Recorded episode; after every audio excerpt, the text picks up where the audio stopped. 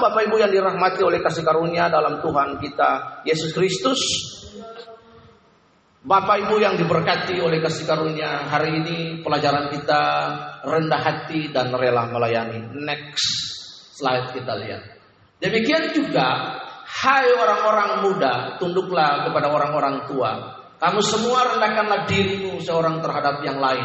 Sebab Allah menentang orang yang congkak tetapi mengasihani orang yang rendah hati. Ini menjadi berita nugrah bagi kita. Saya lihat sebuah video dulu Bapak Ibu.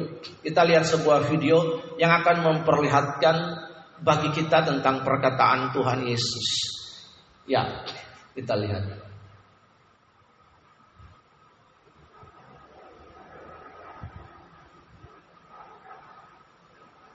Rumah yang diberikan hebatlah kerusakannya.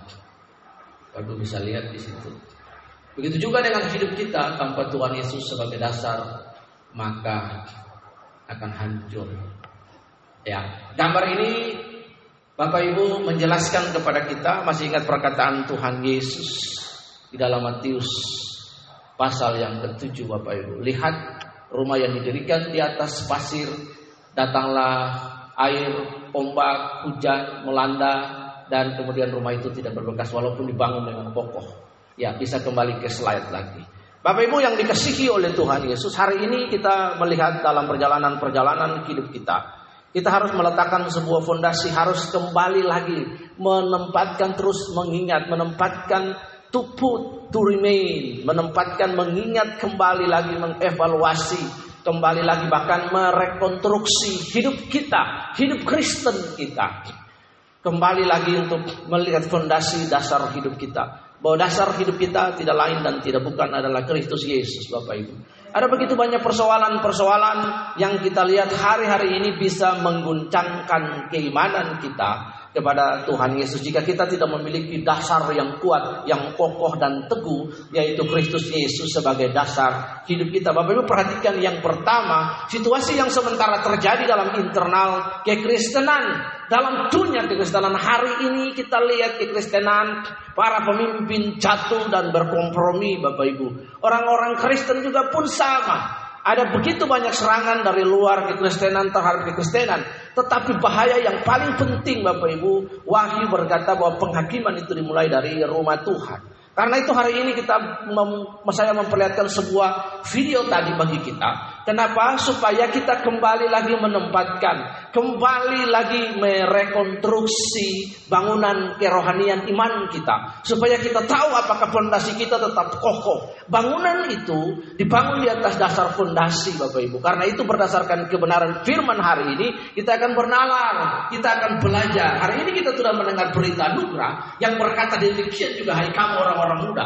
Tunduklah kepada orang-orang yang tua dan kamu semua rendahkanlah dirimu. Artinya yang muda, yang tua. Rendahkanlah dirimu seorang terhadap yang lain. Sebab Allah menentang orang yang congkak tapi mengasihani orang yang rendah hati. Ini menjadi introducing berita anugerah bagi kita. Next slide.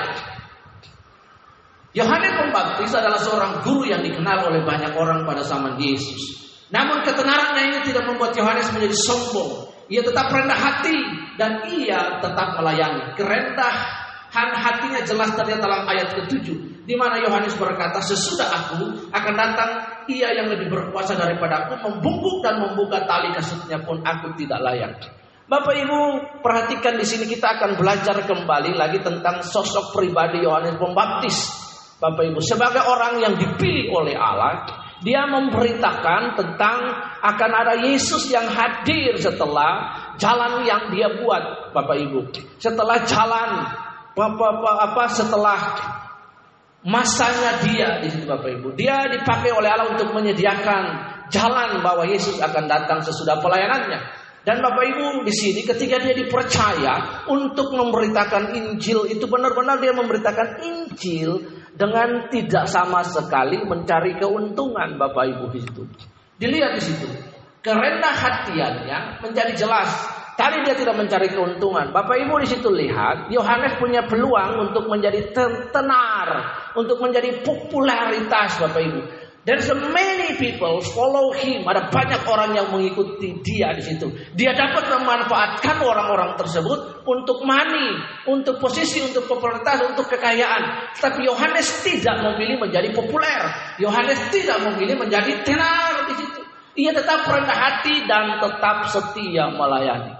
Ini poin yang paling penting bagi kita. Yohanes adalah seorang guru dan dikenal banyak orang pada zaman Yesus. Yohanes bisa saja merasa bahwa Yesus menjadi kompetitor di dalam hidupnya.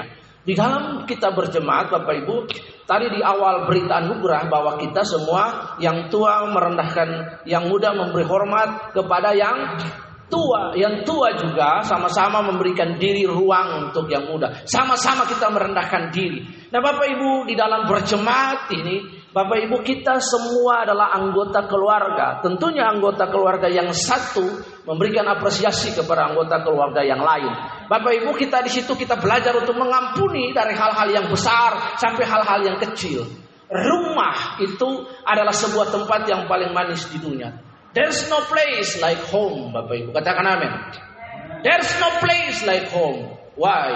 Karena di rumah itu kita belajar untuk menerima satu dengan yang lain.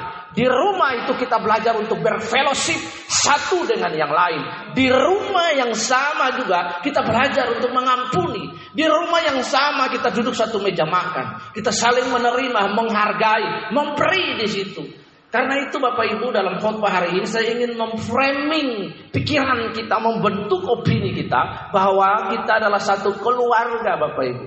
Karena ini sangat penting sekali. Di antara anggota keluarga kita tidak perlu menjadi populer satu dengan yang lain. Kita tidak perlu menjadi tenar satu dengan yang lain. Katakan amin. Tapi di mana kita belajar untuk memberi, menolong yang lemah, menolong yang kuat, yang berkelebihan, menolong yang berkekurangan di dalam nama Yesus. Mari Bapak Ibu kita lihat next. Hal yang penting Bapak Ibu yang kita akan lihat adalah beberapa hal yang bisa kita teladani dari kehidupan Yohanes Pembaptis. Ada poin-poin penting yang bisa kita belajar dari ayat 1 sampai ayat yang ke-8. Minimal ada tiga hal penting, the three most important things that we learn today. Yang pertama, kita lihat satu. Next, hidupnya berfokus pada Kristus. Perhatikan ayat yang keempat Bapak Ibu. Mari kita baca bersama-sama tiga ayat Demikianlah Yohanes Pembaptis tampil di padang gurun dan menyerukan bertobatlah dan berilah dirimu dibaptis dan Allah akan mengampuni do dosamu Bapak Ibu yang dirahmati oleh kasih karunia Kristus Yesus yang hebat itu. Yang pertama adalah hidupnya berfokus kepada Yesus Bapak Ibu lihat. Panggilan Yohanes dia berfokus kepada Kristus, kepada pemberitaan. Kita membaca dalam bagian Injil yang lain, dalam Injil yang lain ada Lukas, ada Matius, kita akan menemukan Bapak Ibu Yohanes itu anak seorang imam Sakaria, ibunya Elizabeth, Bapak Ibu dan dia diurapi oleh Tuhan Bapak Ibu. Dia punya kesempatan peluang untuk bisa memanipulasi orang-orang yang mengikuti dia, jemaat Tuhan yang mengikuti dia. Tetapi dia tetap fokus kepada pemberitaan Injil. Seorang hamba Tuhan yang baik adalah hamba Tuhan yang fokus kepada berita pertobatan Bapak Ibu. Dia menyampaikan kebenaran, tidak menyampaikan hal yang muluk-muluk, tidak menyampaikan hal yang asing karena dia tahu bahwa Yesus Kristus ketika berita pertobatan perbuatan itu disampaikan, orang percaya menerima Tuhan Yesus, maka orang itu akan diselamatkan oleh Tuhan Yesus. Dan pemberitaannya itu boleh diberkati oleh Tuhan, katakan amin. Karena itu kita lihat di sini, hidupnya berfokus kepada Tuhan Yesus, tidak ada kepada yang lain. Mari kita meletakkan fokus kita kepada fondasi kehidupan itu Bapak Ibu. Jika fokus kita bukan kepada Kristus, fokus kita bukan kepada fondasi kehidupan one day Bapak Ibu. There's a struggle, problem, circumstance that we can facing yang bisa yang dapat kita hadapi. Bapak Ibu perhatikan. Kalau kita tidak berfokus kepada Kristus atau tidak menjadikan Kristus sebagai fondasi dasar hidup kita, maka video tadi itu akan kita alami dalam perjalanan-perjalanan kehidupan kita mengiring Yesus. Teruslah meletakkan fokus kita, arahkan hati kita, perasaan kita, pikiran kita kepada Yesus. Bagaimana kita mengalami Yesus? Yang pertama adalah kita terus kembali kepada firman ini. Firmanmu Pelita bagi kakiku, terang bagi jalanku. Firmanmu berkata kau besertaku, maka kuat roh dan jiwaku. Firman Allah membaca Alkitab itu begitu penting Bapak Ibu. Karena apa itu mengisi jiwa kita. Bagaimana kita mengalami hal-hal yang ilahi, kita memindainya dari Alkitab Bapak Ibu. Sebagai source yang utama, main source in our life. There's no other resource Bapak Ibu. There's no other source. Tidak ada sumber yang lain. Only your Bible. Hanya Alkitab. Dan jelas firman Tuhan berkata bahwa segala tulisan yang dihalamkan Allah bermanfaat untuk mendidik, memperbaiki kelakuan membawa orang kepada kebenaran menyatakan kesalahan. Ini penting bagi kita. Karena itulah Bapak Ibu, fokus hidupnya berfokus kepada Tuhan Yesus. Arahkan hati kita, arahkan pikiran kita kepada Tuhan Yesus. Tapi Bapak Pendeta kita tidak dapat melihat Tuhan Yesus. Ya, kita dapat menikmati dan belajar firman Allah sehingga kita punya konsep yang utuh tentang Yesus yang digambarkan oleh kitab suci. Dan kemudian kita dapat membangun relasi dengan Allah dengan melalui doa-doa kita. Dalam pergumulan dan intimasi kita dengan Tuhan dalam pergumulan-pergumulan hidup yang kita hadapi maka di situ kita akan mengalami perjumpaan-perjumpaan dengan pribadi Yesus. Katakan amin. Bapak Ibu yang dirahmati oleh kasih karunia. Kebenaran itu juga adalah pribadi Yesus Kristus.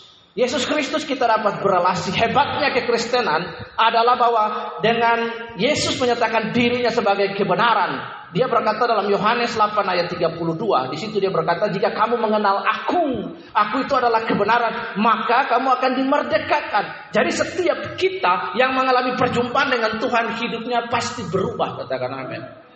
Apalagi Bapak Ibu kalau kita menempatkan hidup berfokus kepada Yesus sama seperti Yohanes. Next, Bapak Ibu. Ya, dalam pelayanan kita melihat Yohanes Pembaptis berfokus untuk apa? Memperkenalkan orang kepada Yesus bukan kepada dirinya. Bahkan ketika orang mulai meninggalkan Yohanes dan pergi kepada Yesus, Yohanes tidak marah. Yohanes tidak merasa Yesus menjadi kompetitor di dalam hidupnya. Tapi Yohanes percaya, bahkan dia berkata bahwa aku membaptis kamu dengan air, tetapi dia yang akan datang akan membaptis kamu dengan roh Bapak Ibu. Dia tidak berusaha mempertahankan dirinya atau meminta kredit nah, supaya namanya dikenal. Dia tidak berusaha menjadi populer, tidak menjadi terkenal. Ini penting bagi kita. Bapak Ibu di situ, beritakan saja Yesus. Katakan amin. Iya, jangan kita menceritakan diri kita ketika kita menginjil. Katakan bahwa di muka bumi di kolong langit ini tidak ada nama lain yang olehnya manusia diselamatkan. Hanya di dalam nama Yesus Kristus Tuhan. Dan nama itulah yang saya beritakan bagi Bapak Ibu yang dikasih oleh Tuhan. Karena tidak ada hal lain yang akan saya beritakan. Bukan diri saya, bukan kesaksian, bukan pengalaman. Kita memang bisa menceritakan kesaksian. Tetapi yang kita harus ceritakan adalah Yesus Kristus Tuhan. Paulus berkata, ketika Yohanes berkata, ketika terjadi hari Pentakosta, bah dia berjumpa dengan orang lumpuh. Di situ dia berkata, emas dan perak tidak ada padaku, tetapi yang aku punya aku berikan kepadamu. Di dalam nama Yesus Tuhan, bangkitlah dan berjalanlah. Betapa hebatnya kuasa itu kalau kita beritakan dengan keberanian Bapak Ibu. Kita tidak berusaha untuk mengajak orang untuk datang ke gereja kita. Yang kita beritakan adalah Yesus Tuhan. Di mana pun kita pergi katakan Yesus Tuhan. Yang percaya kepadanya diselamatkan. Yang tidak percaya kepadanya akan binasa. Baru kemudian dia bertanya di mana gerejamu. Baru aja ke sini Bapak Ibu. Yang pertama beritakan dulu Yesus Kristus Tuhan, juru selamat manusia. Bapak Ibu yang dikasihi oleh Tuhan, Yohanes tidak berusaha untuk memperkenalkan berita yang lain. Karena dia dipanggil untuk mempersiapkan jalan bagi Yesus. Dia ditugaskan untuk menyatakan kebenaran Allah, membawa orang-orang untuk berbalik dari kebenaran dengan demikian mempersiapkan generasi bagi Yesus. Dia tidak berusaha untuk menjadi tenar, menjadi populer, tapi dia memberitakan. Ketika Yesus sudah tampil dalam pelayanannya, orang pergi untuk mengikuti Yesus, Yohanes juga tidak marah. Karena dia tahu Bapak Ibu, dia hanya sebagai orang yang mempersiapkan jalan. Dia tidak berusaha menjadi prioritas. Di antara kita juga demikian Bapak Ibu. Harus saling mengasihi di antara kita. Katakan amin. Iya, sebagai jemaat Tuhan dengan demikian kita akan menjadi jemaat yang kuat. Kalau kita bersatu, kita tidak akan tergoyahkan Bapak Ibu. Orang mau ngomong apa? Engkau percaya dengan saudaramu di dalam gereja, dalam jemaat di tempat ini. Itu penting. Orang mau ngomong apa tentang Erik? Tidak usah pusing. Saya tahu dia lebih daripada orang yang di luar sana. Orang mau ngomong apa tentang Van Nerten? Saya tidak pusing. Iya, saya berkata saya tahu tentang dia. Nah, ini yang penting. Dengan demikian kita menjaga saudara kita. Katakan amin. Lihat di situ. Yang next, Bapak Ibu. Ya. Yang kedua, gaya hidupnya sederhana. Yohanes memakai jubah bulu unta, ikan pinjam kulit, dan makanannya belalang dan madu hutan. Bapak Ibu, ini hal yang paling penting. Saya berulang kali menekankan bahwa sederhana itu sangat tidak memalukan. Bapak Ibu katakan amin. Sederhana itu tidak memalukan. Sederhana, sejatinya Bapak Ibu ini terjemahan bebas saya. Yesus itu mempraktekkan hidup yang sederhana. Burung di udara tidak punya burung di udara punya sarang, serigala ada lubang. Yesus tidak punya tempat untuk menyatakan kepala. Sebagai seorang Tuhan, Yesus tidak punya tempat tidur untuk menyatakan meletakkan kepalanya, bahkan tidak punya bantal. Dia tidak punya office. Tapi dengan leadership dan kepemimpinannya dia mampu merubah dunia ini. Ini yang penting bagi kita. Bapak Ibu yang dikasih gaya hidup sederhana sekali. Dengan sederhana maka kita belajar untuk menerima hidup itu apa adanya. Dengan sederhana kita tidak akan menjadi materialistis dan kita tidak akan susah dengan hidup. Perhatikan Bapak Ibu, banyak orang berhutang untuk apa? Mempertahankan gaya hidupnya Bapak Ibu. Lihat di situ. Orang kelas menengah itu dia berhutang untuk mempertahankan gaya hidupnya. Di bawah kelas itu orang berhutang untuk menutupi hutang. Bapak Ibu perhatikan yang bukan berarti kita nggak boleh hutang. Kita harus ukur kemampuan kita, baru kita bisa bayar. Nah, bisa ukur bertanggung jawab dengan pinjaman tersebut. Tetapi ada banyak orang hari ini yang Akhirnya dia hanya berhutang untuk apa? Karena tidak mau hidup sederhana, akhirnya hidupnya susah, Bapak Ibu. Sederhana itu tidak memalukan. Injil mengajar kita untuk apa? Hidup sederhana. Nah, ini yang penting Bapak Ibu. Yang penting pakaianmu itu disetrika dengan rapi. Bapak Ibu, saya jujur pakaian-pakaian saya beberapa itu di antaranya itu beli di pasar kodok di Tabanan. Dan pasar kodok itu juga orang-orang kaya itu pergi ke pasar kodok di situ. Dia beli pakaian. Iya, di situ tidak memalukan. Beli yang pakaian yang bagus di situ, kita setrika dengan rapi cuci, kasih wangi kita pakai dengan rapi, bersih, enak dipandang. Orang tidak bakalan tahu kamu beli pakaian di mana. Bapak Ibu. Yang penting adalah bagaimana satu yang pertama Anda fokus di dalam Tuhan. Yang kedua hidup dan karakter kita berubah dalam pelayanan hari-hari. Yang ini, ini kan hanya casing Bapak Ibu, katakan amin.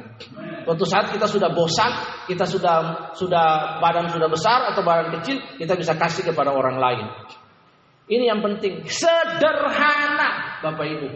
Yohanes tidak merubah tampilannya untuk memberitakan bertobat kerajaan Allah sudah dekat. Dia tetap mempertahankan tampilan yang sederhana. Tentunya bukan karena kita sederhana lalu kita tidak mandi, kita tidak sikat gigi, kita tidak potong rambut, kita nggak rapin kumis. Tidak seperti itu. Bayangkan kita kalau tidak sikat gigi, tidak ganti baju, tidak mandi, sikat gigi, kita mau mendoakan orang baru kita berdoa. Haleluya itu. Pusing kenal bau. Iya kan? Atau bau ketek atau apa kita mau berdoa begini. Tentunya kita mandi, rapi, bersih. Amin. Nah tentunya di situ. Jadi sederhana itu sangat tidak memalukan. Itu prinsip Injil. Yesus sebenarnya adalah seorang marhaine sejati. Kenapa? Dia mempraktikkan hidup yang sangat sederhana dalam hidupnya. Yohanes tidak berusaha untuk merubah tampilan. Yohanes punya kesempatan. Hari ini Bapak Ibu lihat ada akun-akun pastor Gram di Instagram. Mereka pelayanan, lalu tampil bukan berarti eh, tidak boleh. Bapak Ibu perhatikan, kalau itu dengan hasil usaha kita sendiri boleh. Tapi juga ada batasannya Bapak Ibu di situ. Ini dia berkhotbah dia hanya hidup dari jemaat, lalu yang terjadi di situ dia pamer makan enak, pamer mobil mewah dan lain sebagainya. Jemaatnya tidak diperhatikan.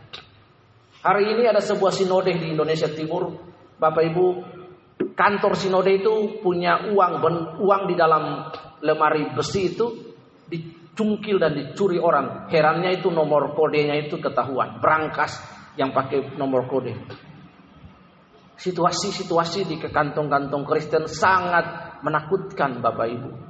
Kekristenan tidak ada lagi takut akan Tuhan karena tadi di awal saya bilang itu bahaya internal dan bahaya eksternal. Dari dalam Kristen, dari luar Kristen menghantam kita karena itu harus ada dasar yang kokoh.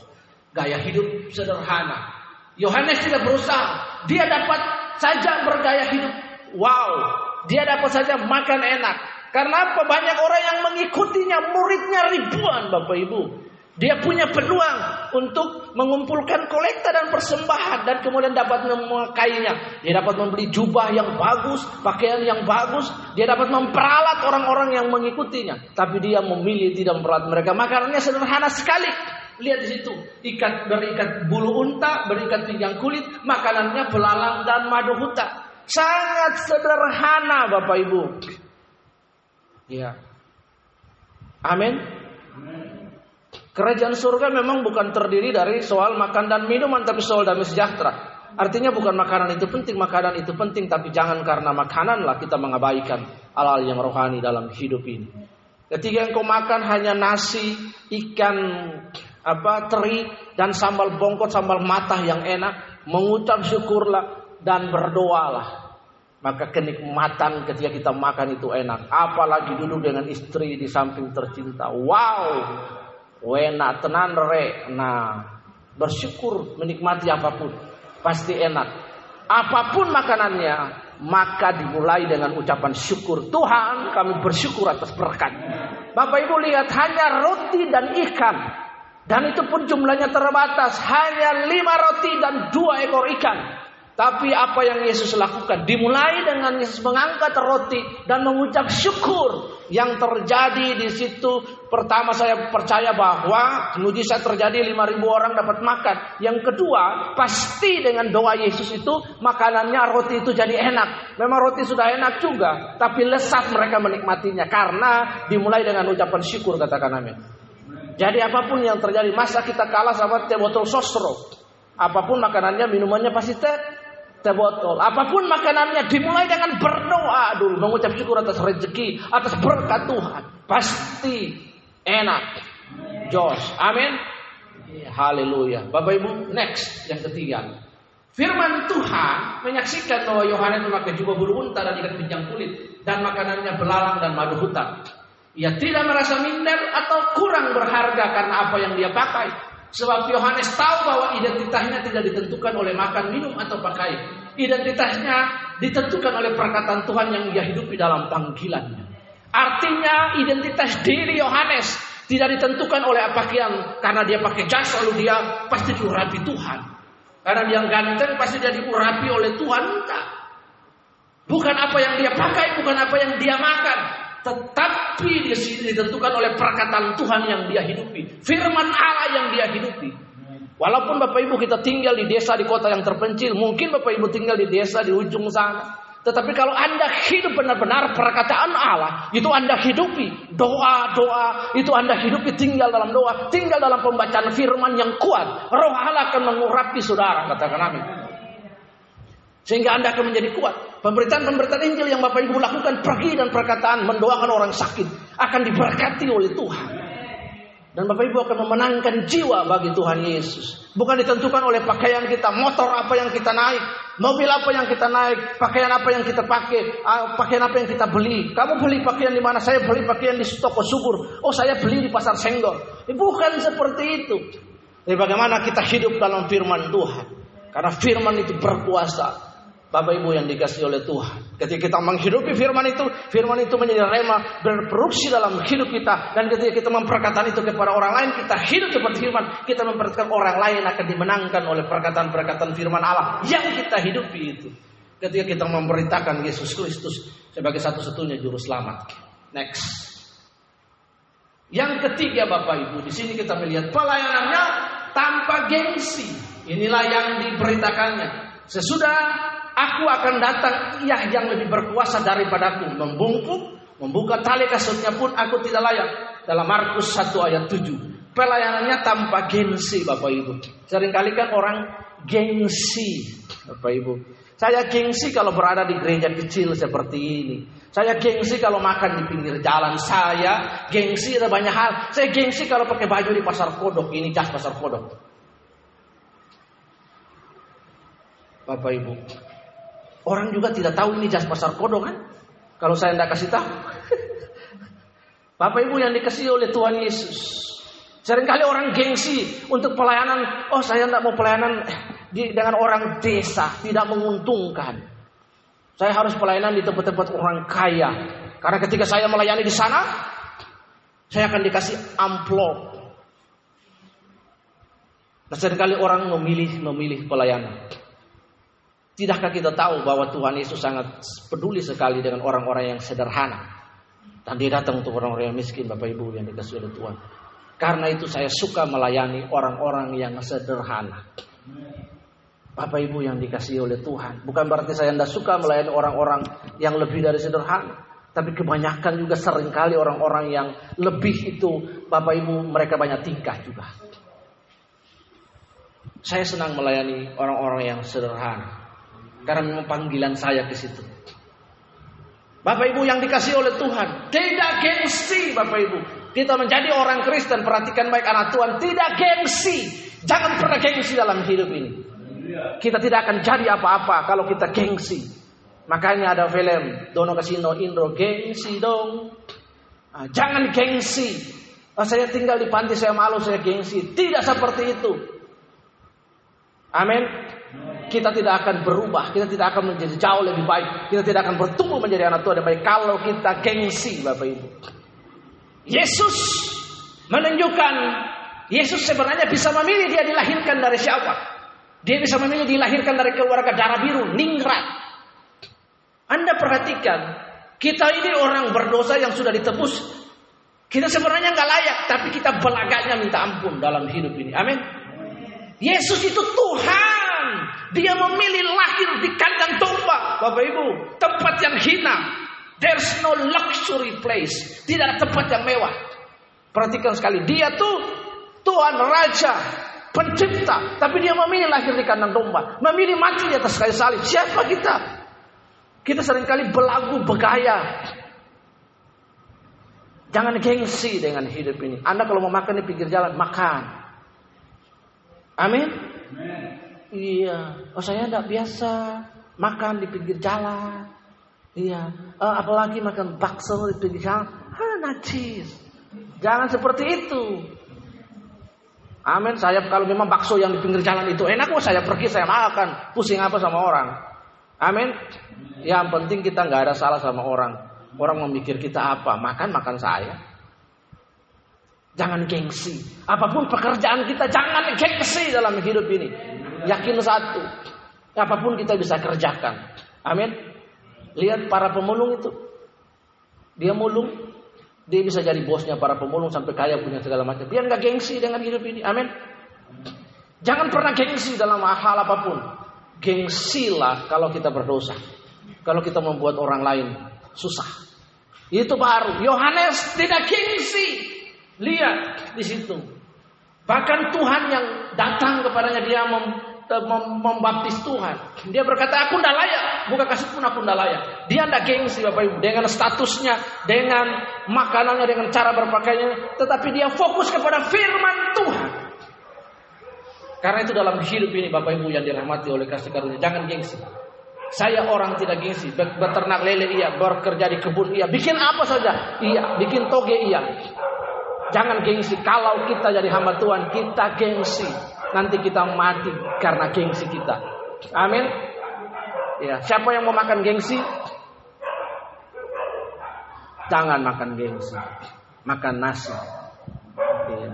Semua kita makan nasi, jangan makan gengsi. Amin. Ya, saya senang sekali bersyukur ibadah pernikahan kemarin dengan sederhana. Yang berkat Tuhan buat saya itu adalah ketiga keluarga besar dari patutan ibu moyang beraya duduk sama-sama menikmati jajan ketawa sama-sama habis itu semua pulang dengan tertib dan tertib. itu sudah buat saya bahagia dengan sederhana bukan bikin acara wow nah nanti kalau acara wow poin yang kedua tadi Kan kita harus hidup sederhana. Habis bikin acaranya wow.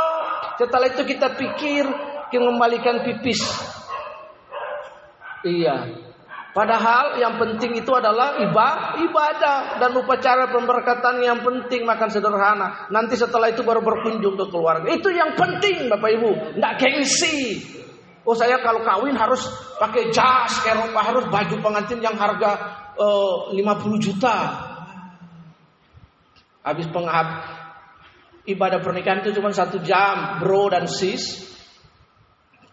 Habis acara pernikahan, kamu gaya-gaya happy-happy, setelah itu kamu hitung hutang 50 juta, bayar gaun pengantin, bayar sound system, bayar mobil, bayar ini. Hmm. Iya, ui, pecah kepalanya ini. Iya, amin. Sederhana itu sangat indah. Ada orang yang nggak tahu bersyukur dalam hidup ini sudah makan ayam, atau hal-hal yang nikmat dalam hidup, tapi dia masih masih menggerutu dalam hidup. Perhatikan orang Israel menggerutu mati semua. Tuhan sudah kasih burung pu, burung puyuh masih saja ngomel. Persungutan itu ditentang oleh Tuhan, dibenci oleh Tuhan. Karena kita tidak tahu berterima kasih dan tidak tahu bersyukur. Apa pun yang tersedia di meja makan, tutup mata, lipat tangan. Aku bersyukur, haleluya, amin. Saya minta ke istri saya tidak ada yang lain. Satu kalau ada masih ada uang beli ikan. Itu sudah cukup buat saya sambal. Selesai. Tomat, kecap, bawang merah. Selesai. Buat apa kita terlalu gaya-gaya dengan hidup? Kalau ada berkat sesekali lah. Pergilah ke mana. Ya nasi babi lah atau apalah. Yang mewah sedikit. Satu-satu satu bulan sekali. Kita itu juga penting bagi diri kita. Amin. Iya, jangan pelit dengan diri sendiri. Mau makan enak berdua pergilah berdua. Ayo. Jadi ini hal-hal yang penting bagi kita. Pelayanan tanpa gengsi, jangan gengsi. Saya kalau melayani tidak pergi ke tempat pelayanan kalau tidak naik mobil, oh saya rasa tidak berharga. Kalau orang lihat saya dari mobil saya kaya. Amin. Iya saya salah turun dari tangga saya nyungkus. Waduh bahaya. iya. Amin. Jangan gengsi. Iya, Bapak Ibu. Ada banyak orang yang gengsi dalam hidup, makan gengsi. Nanti mati karena gengsi. Biaya untuk menjaga gengsi itu mahal. Amin. Biaya untuk menjaga gengsi itu mahal Bapak Ibu. Perlu uang untuk jaga gengsinya. Kalau tidak ada uang dia mati karena gengsinya. Amin. Karena itu ada lagu walau semua sana sini susah, semua orang susah. Tetapi aku kan tetap bersuka. Orang susah karena gengsi, orang susah karena hidupnya tidak mau sederhana. Bapak Ibu, prinsip Injil tidak boleh gengsi, tidak boleh sederhana. Tetap fokus kepada perkataan Yesus poin pertama kali. Tunduk kepala, kita berdoa. Kami berdoa dan bersyukur di dalam nama Tuhan Yesus. Terima kasih buat firman kebenaran. Dan saya three point God. Kami belajar hari ini yang pertama terus fokus kepada perkataan Tuhan. Yang kedua kami harus hidup sederhana. Yang ketiga kami tidak boleh gengsi Tuhan. Karena itu menolong kami supaya dalam perilaku hidup kami, pilihan-pilihan setiap hari keputusan-keputusan yang kami buat, kami tetap berfokus kepada perkataan Tuhan, kami memilih untuk hidup yang sederhana dan kami tidak gengsi dengan apa pun Tuhan. Terima kasih Engkau tolong kami biarlah ketiga hal ini menolong kami dalam pilihan-pilihan keputusan yang akan kami buat dalam hari Senin sampai minggu depan Tuhan. Kami menjadi manusia-manusia yang luar biasa dalam Engkau. Ketiga poin ini kami aplikasikan di dalam hidup kami. Di dalam nama Tuhan Yesus Kristus kami sudah berdoa dan mengucap syukur. Haleluya. Jemaat yang diberkati oleh Kristus Yesus sebagai kepala gereja. Sama-sama kita berkata, amin. Yesus memberkati. Kembalikan kepada worship leader.